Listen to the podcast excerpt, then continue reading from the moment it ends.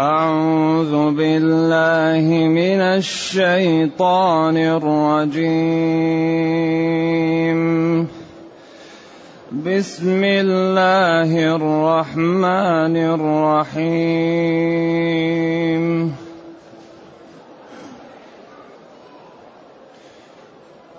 ألف لام.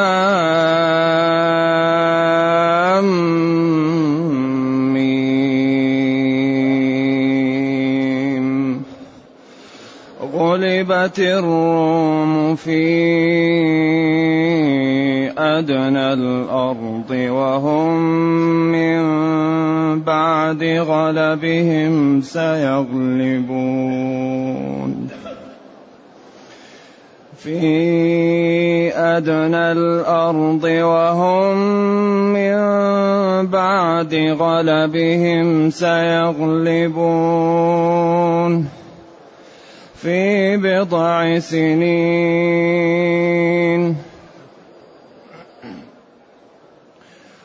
لله الأمر من قبل ومن بعد. ويومئذ يفرح المؤمنون بنصر الله ينصر من يشاء. بنصر الله ينصر من يشاء. وهو العزيز الرحيم.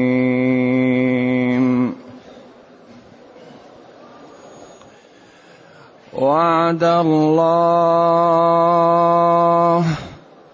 وعد الله لا يخلف الله وعده ولكن أكثر الناس ولكن أكثر الناس لا يعلمون.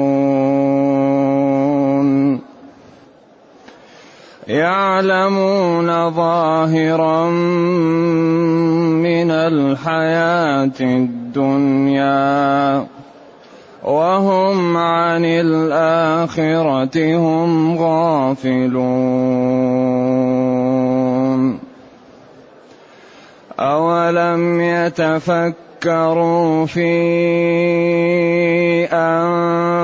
أنفسهم ما خلق الله السماوات والأرض وما بينهما ما خلق الله السماوات والأرض وما بينهما إلا بالحق إلا بالحق وأجل مسمى. وإن كثيرا من الناس بلقاء ربهم لكافرون.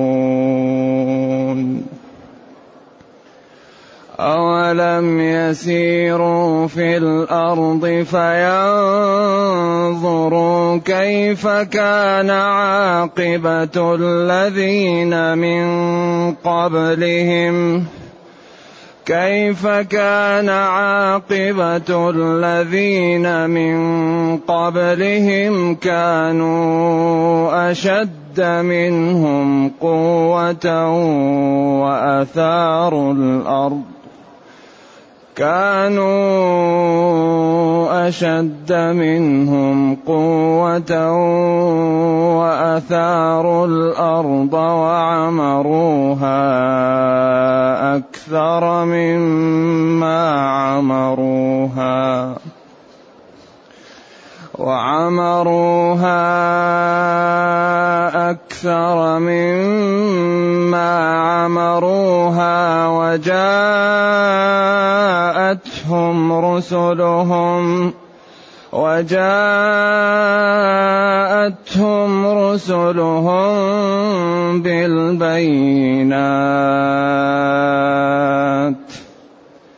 فما كان الله ليظلمهم فما كان الله ليظلمهم ولكن كانوا انفسهم يظلمون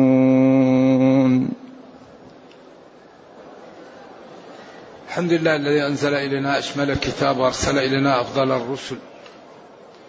وجعلنا خير أمة أخرجت للناس. فله الحمد وله الشكر على هذه النعم العظيمة والآلاء الجسيمة. والصلاة والسلام على خير خلق الله وعلى آله وأصحابه ومن اهتدى بهداه.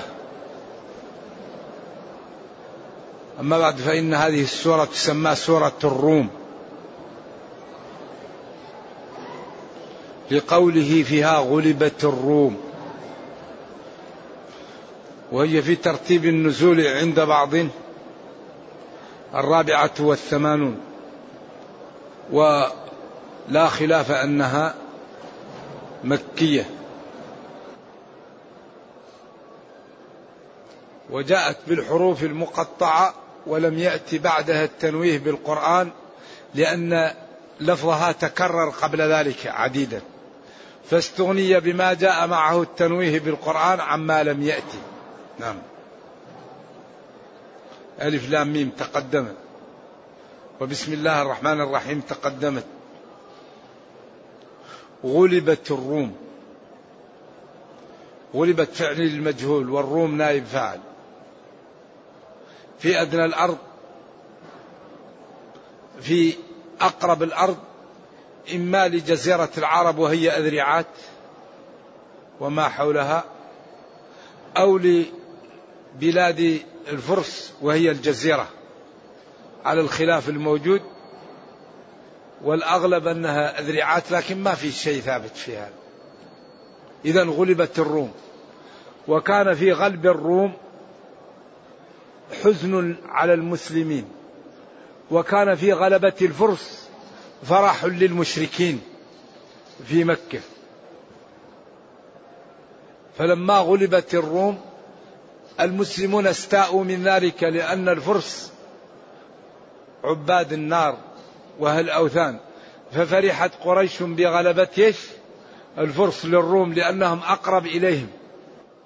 كلهم عباد أوثان وكلهم أصحاب ضلال. ف استاء المسلمون من غلبة فارس للروم. بعدين جاء وهم من بعد غلبهم سيغلبون. وهم اللي هم الروم. من بعد غلبهم أي وهزيمتهم سيغلبون الفرس. قالوا في بضع سنين من ثلاثة إلى تسعة. ما تزيد عن العشرة. وفي القصص السير وأسباب النزول ولا يصح. أن أبا بكر صاح بالآية وأنه راهن أبي بن خلف وأنه لما أراد أن يهاجر قال له لازم تجعل لي جعل وجعل ولده كفيل وكان غير مسلم. وهذا كله لا أعرفه ثابت. فلما انتهت ست سنين كان على عشرة من الإبل. أجلوا. وبعدين زاد إيش؟ زاد الإبل جعلها مئة. وبعدين جاءت على ما تكره قريش. ولكن هذا في السير لا أعرف فيه شيء يثبت إلا ظاهر ما ورد في, في الآيات. غلبت الروم في أدنى الأرض التي تلي جزيرة العرب وهم من بعد غلبهم سيغلبون في بضع سنين. وأخبرهم النبي صلى الله عليه وسلم بذلك. وبعد بضع سنين غلبت الروم فارسا. ففرح المسلمون بذلك. وقالوا أيضا في القصص ولا يثبت أنه يوم فتح يوم بدر هو الذي اليوم الذي غلبت فيه الروم. فارس وهذا. وقيل في صلح الحديبية وهذا لا أعرف يثبت. كل روايات لا أعرفها ثابتة. إذا وهم من بعد غلبهم سيغلبون في بضع سنين ثم قال لله الأمر من قبل ومن بعد. الأمر بيد الله من قبل الهزيمة ومن بعدها ومن قبل انتشائكم ومن قبلها فالله هو المتصرف. ويعز من يشاء ويذل من شاء وينصر من يشاء ويهزم من يشاء. ويومئذ يفرح المؤمنون بنصر الله. ويومئذ تغلب الروم فارس يفرح المؤمنون بذلك بإذن الله. لأن المسلمين يفرحون لأن الروم أهل كتاب والفرس أهل أوثان. فهم يريدون هؤلاء لأنهم أقرب منهم وأقرب إلى الدين وأقرب إلى الحق مع ما عندهم من الضلال. لأن الضلال درجات. ولذلك يقولون يقول الشيخ الإسلام بن تيمية رحمة الله عليه أن الفخر الرازي يرد الخطأ بخطأ أقل منه يرد خطأ المعتزلة بما تقول الأشاعرة وهذا خطأ أخف من قول المعتزلة فهو خطأ لكن أخف من قول المعتزلة فقد يرد الخطأ إيش؟ بخطأ أخف منه.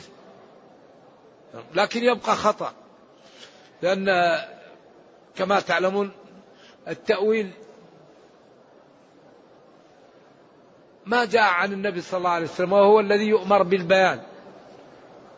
أيوة ولذلك قال له ربه لتبين للناس ما نزل إليهم وتأخير البيان عن وقت الحاجة لا يجوز.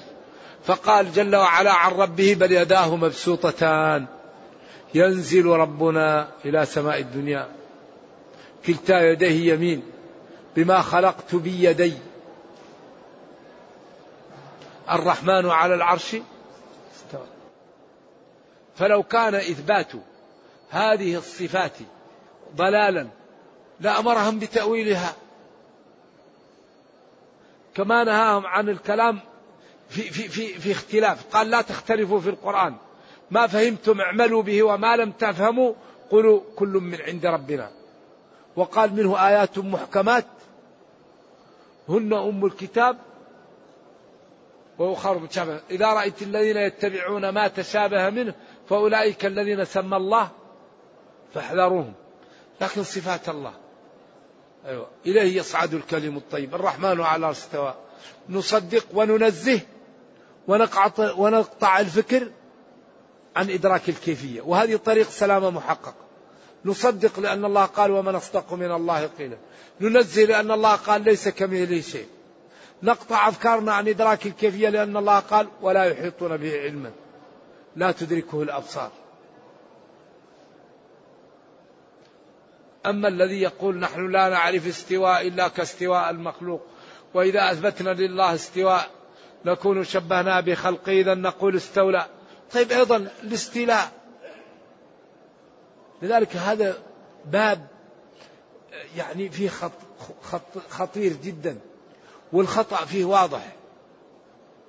لذلك الذين يعملون هذا آخر صفة تبقى عندنا ما هي؟ الوجود. يأول أول طيب الوجود. الله موجود. فإن قالوا لا عياذا بالله كفروا. العبد موجود فإن قالوا لا كذبوا. إذا الله موجود والعبد موجود. يقول لك يا أخي هذا ما هو مثل. الله واجب الوجود لأن هذا الكون لازم له من موجد. والله هو اللي أوجده. والعبد جائز الوجود. نقول له صفات جائز الوجود جائزة الوجود وصفات واجب الوجود واجبة الوجوب وبين الصفة والصفة كما بين الخالق والمخلوق. خذ كلمة رأس. أضفها إلى الوادي. وإلى الجبل وإلى الإنسان وإلى المال. رأس المال رأس الوادي رأس الجبل. طيب هذه مخلوقات تمايزت بصفاتها. ما لك بما يضاف إلى الله وبما يضاف للمخلوق ولذلك العرب الأقحاح ما كانت عندهم مشكلة. كانوا إذا سمعوا الخالق عرفوا أن الصفة متعاظمة كالخالق. وإذا سمعوا المخلوق عرفوا الصفة متحاقرة كالمخلوق. لأنهم يفهمون العربية.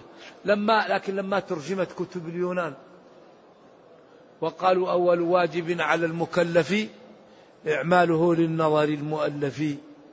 وبعدين اختلف الأشياخ في التعلق واسطة بين الوجود والعدم. إيش هذا؟ أول واجب على المكلف شهادة لا إله إلا الله. فاعلم أنه لا إله إلا الله.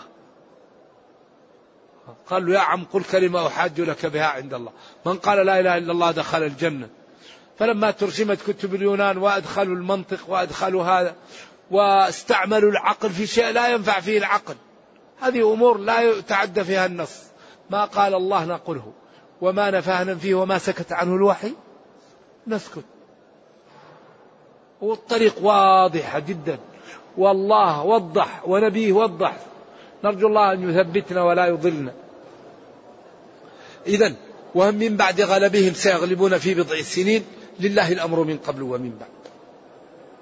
من قبلها ومن بعد ويومئذ يفرح المؤمنون بنصر الله ويومئذ يغلب الروم فارس يفرح المؤمنون بنصر الله.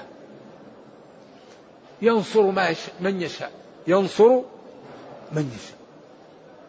ولكن النصر له شروط. ينصر من يشاء من خلقه. لكن قال إن تنصروا الله ينصركم. أوفوا بعهدي أوفي بعهدي. إن الله اشترى. الحياة لا تعطي للعبد إلا ما يعطي لنفسه. من يريد العزة فإنها عند الله. من كان يريد العزة فلله العزة جميعا. يطلبها من الله عن طريق ما شرعه لخلقه. يطيع الله يمتثل أوامره يجتنب نواهيه يعمل بالأسباب الله يعزه. أما الذي لا يقوم بالأسباب لا ينال ما رتب عليه والحياة مرتبة على أسباب وقوانين فالذي يريد الجنة يعمل للجنة والذي يريد العلم يتعلم. والذي يريد المال يبيع ويشتري والذي يريد التقى يترك أعراض الناس ويكف بصره وسمعه ولسانه عن الحرام وكل شيء له ثمن. من ك... أيوة. من كان يريد ينصر من يشاء وهو العزيز الرحيم. الغالب الرحيم بالمؤمنين. رحيم بالمؤمنين. رحمن لجميع الخلق وكان بالمؤمنين رحيما في الدنيا والآخرة. العزيز غالب الله غالب. لكن قد يستدرج بعض الشرائح. يعطي الواحد مال وجاه وجمال وسمعة. وبعدين إذا رأيت منغرق في المعاصي فخف. لأن هذا يريد أن يستدرجه. يأخذهم على تخوف تنغص. وبعدين يأخذه أخذ عزيز مقتدر. أما الذي يعطى النعم يشكرها ويخاف الله الله يزيده. أما الذي يقدم على المعاصي ويكفر النعم وتزداد له النعم هذا ثق تماما أنه يراد به أن يوبق عياذا بالله. حتى إذا فتحنا عليهم أبواب كل شيء من الخير. أخذناهم بغتة. أمرنا مترفيها بالطاعة ففسقوا فيها فحق عليه القول فدمرناها تدميرا. ولذلك لا يجد هذا الكوكب الذي نسكن عليه الأرض أخطر من المعاصي. أخطر شيء على سكان الأرض المعاصي. هي التي تأتي بال بالدمار هذا طبقة الأوزون تفتح أو الكتل الجليدية تذوب أو يرتفع منسوب المياه أو تنضب المياه الحلوة. ما يوجد شيء أخطر علينا من المعاصي. ولذلك هذه الأرض كأنها سفينة مسافرة. إذا تركنا من يخرق السفينة؟ ما لا يقع لنا. تغرق السفينة ونهلك جميعا. وإذا أخذنا على يدي من يريد أن يغرقها ننجو جميعا. قوم استهموا على سفينة فكان بعضهم في أعلاها وبعضهم في أسفلها. فقال من في أسفلها؟ لو أنا خرقنا خرقا ولم نؤذي من فوقنا. فلو تركوهم وما أرادوا لهلكوا جميعا. ولو أخذوا عليهم ولم يقبلوا نجوا ونجوا جميعا. فلذلك الحقيقة أخطر شيء المعاصي. لذلك قال العزيز الرحيم عزيز غالب رحيم بخلقه وعد الله لا يخلف الله وعده. الله إذا وعد لا يخلف وعده. إن الله لا يخلف الميعاد. ولذلك قال أن من يعمل مثقال ذرة خيرا يره ومن يعمل مثقال ذرة سرا يره وقال الذي يكون يخطئ إذا كان يوم القيامة يقولون الكفار يا ويلتنا ما لهذا الكتاب لا يغادر صغيرة ولا كبيرة إلا أحصاها ووجدوا ما عملوا حاضرا ولا يظلم ربك أحدا. طيب إذا كل واحد أليس من, من, من السفة أن الإنسان ما يحتاط ويعمل؟ يضيع العمر؟ ما يحاول يجعل تخطيط؟ كلام عمر حاسبوا أنفسكم قبل أن تحاسبوا. ثم يقول جل وعلا وعد الله لا يخلف الله وعده ولكن أكثر الناس لا يعلمون. هؤلاء الروم كثير منهم لا يعلمون خطورة الكفر والإلحاد والعلمانية والاشتغال في الدنيا عن الآخرة وما يسببه لصاحبه من الندم يوم القيامة ومن الأهوال. بعدين قال يعلمون ظاهرا من الحياة. بعدين قال وهم عن الآخرة هم غافلون. ولذلك أعرب بعض المعربين من المفسرين يعلمون ظاهرا من الحياة الدنيا بدل من لا يعلمون. لأنهم قالوا علم متعلق بظاهر الحياة الدنيا وأصحابه غافلون عن عن الآخرة. فجعله مبدل بدل من منفي لأنه كلا علم. ولكن أكثر الناس لا يعلمون يعلمون ظاهرا من الحياة وهذا إعراب الحقيقة في غاية الدقة والجمال. لأنه علم متعلق بظاهر الحياة الدنيا وأصحابه غافلون عن الآخرة. فجعل بدل من منفي. لذلك الآن نحن امتدحنا الله بأننا نؤمن بالغيب. هدى للمتقين الذين يؤمنون بالغيب. وقبل الأخبار عن الروم قال يعلمون ظاهرا من الحياة الدنيا. مبني علمهم على ما يرى أو ما يتحلل إلى أجزاء. في المختبر أو في المجهر. أما ما وراء الطبيعة فهم صنفان. بعضهم ينفي والمنصف يسكت يقول لا أعرف. فالملائكة ونعيم القبر وعذاب القبر والسماوات والبعث والجان كل هذا لا يؤمن به. بعدين هذه أمور أمور مخبر عنها بنصوص صريحة. يقول لك ما في السماء الله قال وبنينا فوقكم سبعا شداد. يقول ما فيه جان. الله قال قل أوحي إلي أنه استمع نفر من الجن. عذاب القبر ونعيم القبر. القبر إما حفرة من حفر النار أو روضة من رياض. هم لا يؤمنون بهذا. البعث كما يأتي في آخر الآيات. كذلك النشور كذلك تخرجون. يحييها الذي هم لا يؤمنوا بهذا. كثير منهم. إذا يعلمون ظاهرا من الحياة. كيف الطائرة عملوها زي الطير؟ كيف الآن الشريط المغناطيس الذي يسجل فيه؟ كيف الفاكس؟ كيف كيف الكتابة تمشي؟ كيف؟ هذه كلها تتبع لظاهر الحياة الدنيا أشياء. كيف اكتشفت الكهرباء مثلا؟ أسلاك مغناطسة يعني كيف؟ هذه أمور كلها تتبع لظاهر الحياة الدنيا. ولكن أصحابها غافلون عن الآخرة. فهذه عقول كعقول الدواب. ما فيه. العصفور يعمل بيته. لو يأتوا الناس ما يقدروا يعملوا مثل يعني بيت العصفور الذي يعمل على الماء ويأخذ فمه ويرفعه. وبعدين يعمله من الأوراق الضعيفة. العسل. كيف يعمل المسدسات؟ ولما أرادوا أن يعرفوا طلع طلاه بالشمع حتى لا يرى. لما أرادوا أن يعرفوا كيف يعمل طلى المحل حتى لا يرى. صار كل ما عملوه يأتي بالشمع ويطلي عشان ما يشوفوه. فالذي لا يمنعه عقله من النار ومن عذاب الله هو مثل الحيوان. الحيوان يعطيه الله عقل يعيش به. فذلك العقل الحقيقي هو الذي يجر صاحبه إلى الفوز.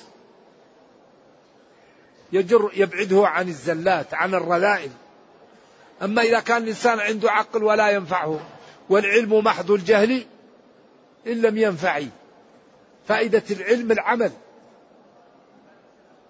لذلك كثير من المسلمين مع الأسف يغتر ما وصل إليه هؤلاء من الرق الدنيوي والازدهار.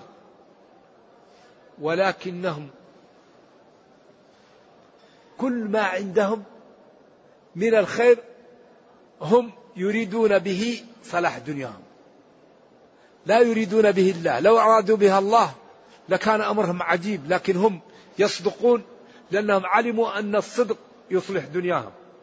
هم لا يخلفون الوعد لأنهم علموا أن خلف الوعد يضيع دنياهم. هم يطبقون النظام لأنهم علموا أن تطبيق النظام يصلح دنياهم. هم يشترون العقول لأنهم علموا أن شراء العقول يصلح دنياهم. هم يعملون في الإبداع لأن الإبداع يربحهم في الدنيا. كله لأجل الدنيا. لذلك لا فائدة فيه. هم عن الآخرة هم غافلون. هذه أمور متاع.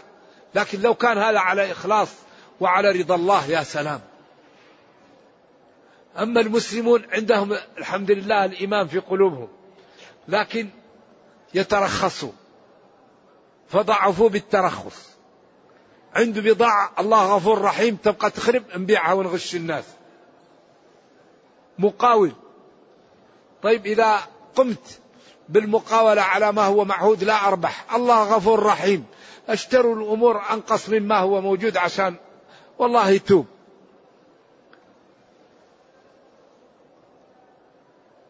بعدين عندك مؤسسة أقوى واحد فيها تلغي عقده تنام المؤسسة وبعدين ما ننظر في عواقب الأمور. ونعلم أن كل شيء له ثمن. ولذلك من أكبر أسباب ضعف المسلمين الزهد في العقول. أكبر سبب لضعف المسلمين الزهد في العقول. لأن العقل يعمل لك شيء عجيب. الإنسان إذا كان ذكي يختصر لك الطريق في العلم وفي الصناعة وفي كل وفي الفهم. لذلك المسلمون يزهدون في العقول. كل سنة العالم الإسلامي يصرف على التعليم العالي أربعة بلايين دولار أو بالأخص العرب. على التعليم العالي أربع بلايين دولار. وتذهب إلى الغرب باردة. مئتين طبيب مئة رياضي خمسين طيار. مئة مهندس؟ ليش؟ لأن المسلمين يزهدون في العقول. إذا لا بد أن نشيع الاهتمام بالعقول لأن العقول هي اللي تنتج لنا. قال يعلمون ظاهرا من الحياة. هم يشترون العقول. وبعدين كل ما كانت المؤسسة قوية كانت تكرم منسوبها لأن الإنسان إذا أكرمته تفانى في في عمله. وكل ما كان الإنسان في عمله لا تكرمه لا يأتي للعمل بنفس ويكون إنتاجه ضعيف. لذلك الغنم بالغرم. وإذا نظرتم إلى الشركات القوية التي تربح كثير تجدها منسوبها يحب الشركة كما يحب بيوتهم. نتيجة لما تغدق عليهم الشركة وتكرمهم.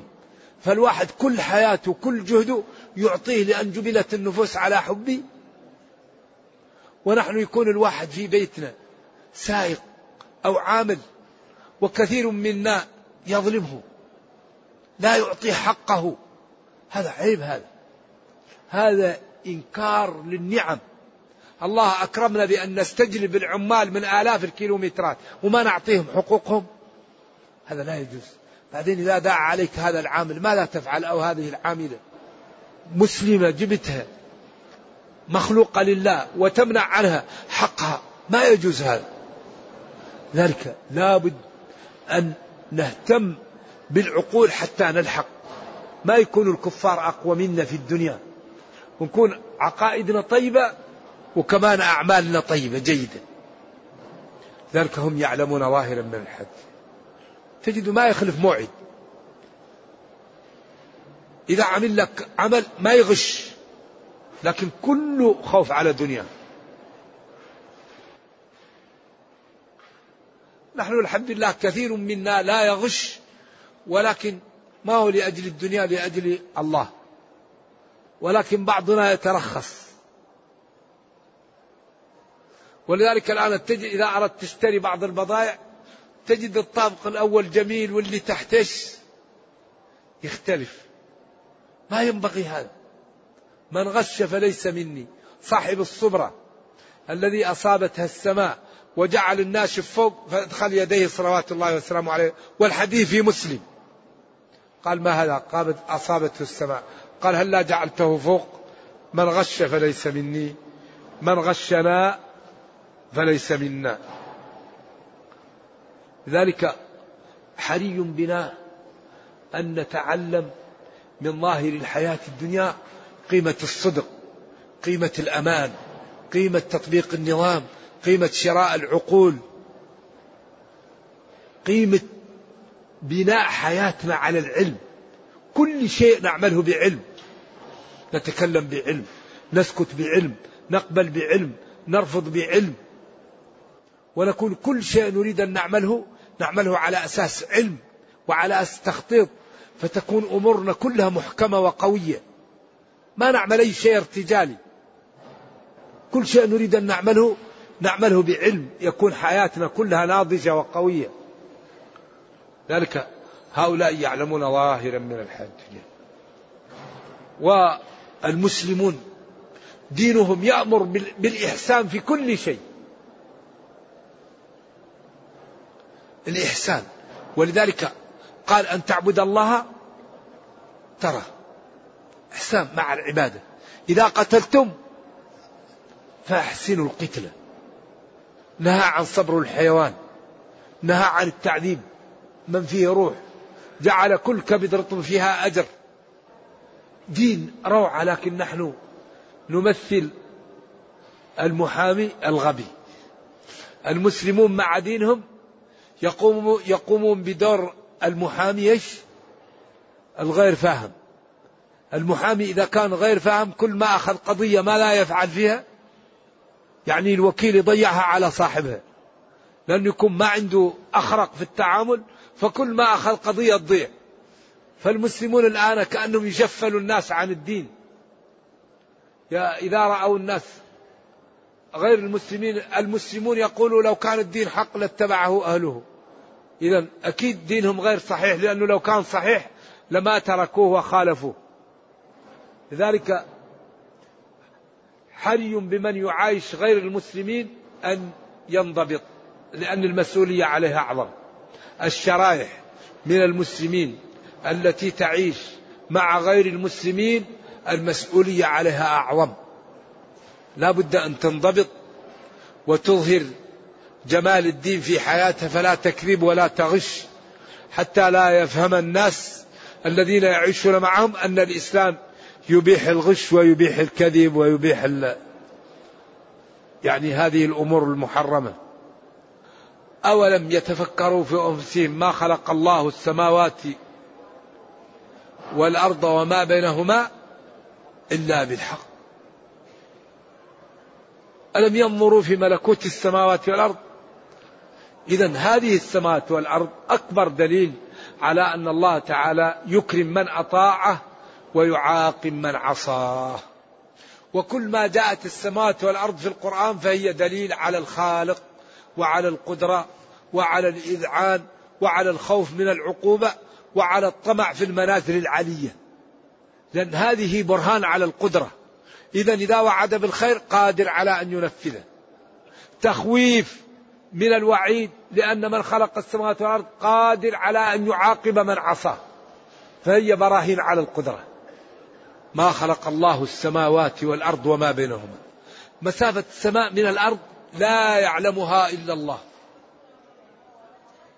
لذلك كل ما ركبوا كل ما أتوا بمراكب كل ما أتوا بشيء ما يجد يقول لك ما ما رأينا السماء وما بينهما. قال بعضهم في بعض الروايات مسافة 500 سنة. 500 سنة ما ندري هل ضوئية أو على أسرع من الضوء أو على الجمل أو على الفرس أو على الله أعلم. وإنا لموسعون. قدرة قدرة هائلة. وما أوتيتم من العلم إلا قليلا. ولذلك لما أراد أن يصف شمول علمه جل وعلا قال ولو أن ما في الأرض من شجرة أقلام. كل الغابات بريت وعملت أقلام. والبحر يمده من بعده سبعة أبحر. وجعلنا البحار مدادا والأشجار أقلاما وجلس البشر مضروبون في الحصى بلايين السنين لجفت البحار وتكسرت الأقلام وما نفدت كلمات الله. ما خلقكم ولا بعثكم إلا كنفس واحد إنه الله جل وعلا والأرض جميعا قبضته يوم القيامة. ما السماوات والأراضين في يد الله إلا كحبة خردل. إنه الله الجبار خالق السماوات والأرض. هذا الإنسان أمر عجيب. لذلك يثق فيه يخاف منه يطيع يلجأ إليه يسأله يحب. الله إنه الله. إلا بالحق خلق الكون بالحق بالعدالة بالصدق بعدم الظلم. الله خلق الكون بالعدالة لذلك لا يستمر إلا الحق. الدولة الكافرة العادلة تبقى. الدولة المسلمة إذا كانت ظالمة تزول. الله لا يترك الظلم يبقى. أن لا تطغوا في الميزان. والأرض وضعها للأنام المخلوقات. ولا يجرمنكم شنآن كراهية قوم على أن لا تعدلوا. اعدلوا. العدل أقرب للتقوى. ويل للمطففين.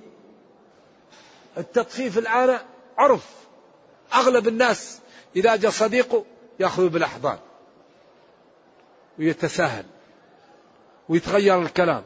وإذا جاء واحد ما هو صديق ولا أعرفه يا أخ انتبه. طيب ما تقول اللي قبله انتبه. ما نكيل بمكيالين ما يصلح. ويل للمطففين.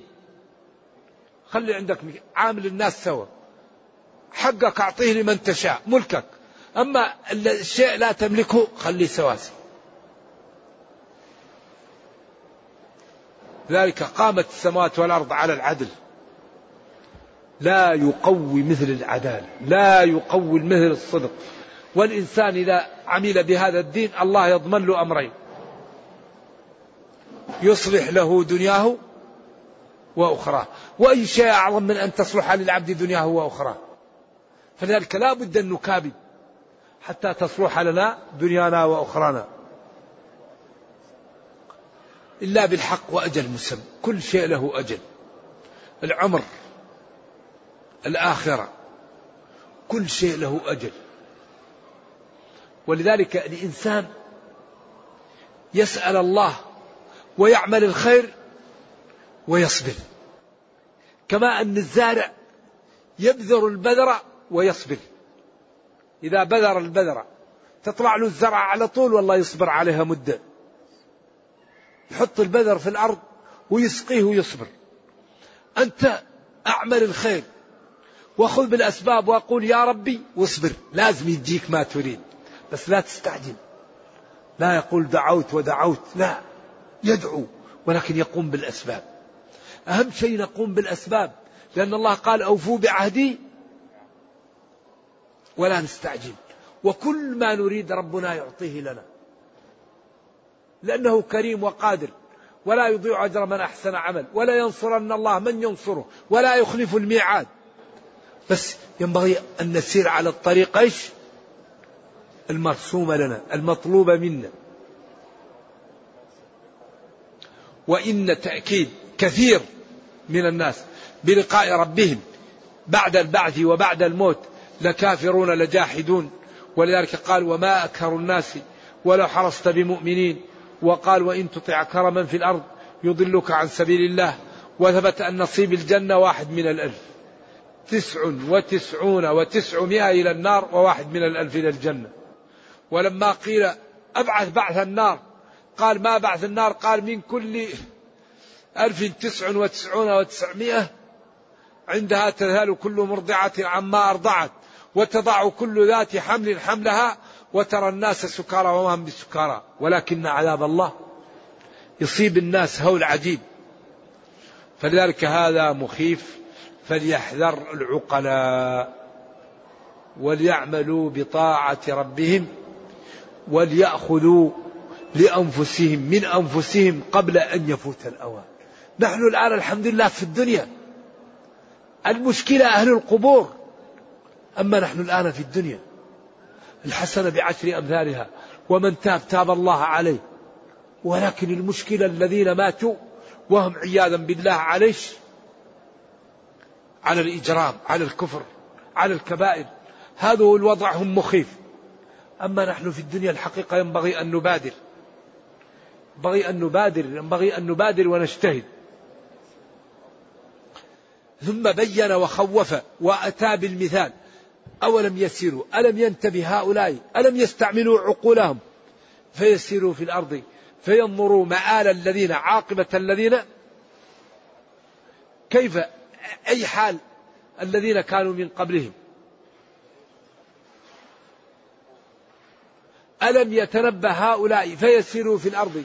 فينظروا كيف كان عاقبة الذين من قبلهم كانوا أشد منهم قوة وأثاروا الأرض وعمروها أكثر مما عمروها. ولكن هؤلاء جاءتهم رسلهم بالبينات فكفروا. وما كان الله ليظلمهم؟ ولكن كانوا أنفسهم يظلمون. إذا هذا مثال للشريحة الفاسدة وأن الله تعالى قادر على إباقها وإهلاكها بعد أن بين قدرته في السماوات والأرض وما بينهما. وهذا لا ينخرم في القرآن. إذا نبادر بالتوبة وبطاعة الله وبالبعد عن المعاصي والبعد عن المجاهرة وبالبعد عن ظلم الناس. في بعض الذنوب توبق السخرية من الدين ظلم الآخرين المجاهرة. هذه من أسباب العطب. كل أمتي معافى إلا المجاهرين. من أتى شيئا من هذه القاذورات فليستتر بستر الله. أنتم شهداء الله في أرضه. الذي يسخر من الدين هذا يا ويل إذا لم يتب. اخسأوا فيها ولا تكلمون.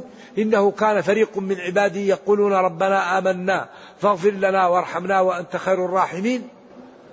فاتخذتموهم سخريا حتى أنسوكم ذكري وكنتم منهم تضحكون. إني جزيتهم اليوم بما صبروا أنهم هم الفائزون. بعدين النقطة الثالثة ظلم الناس. اتقوا دعوة المظلوم. دعوة المظلوم تدمر. تعمل بصيرة. تدمر. فنحاول لا نظلم الناس. ونتعاون على أن لا نترك بيننا مظلوم.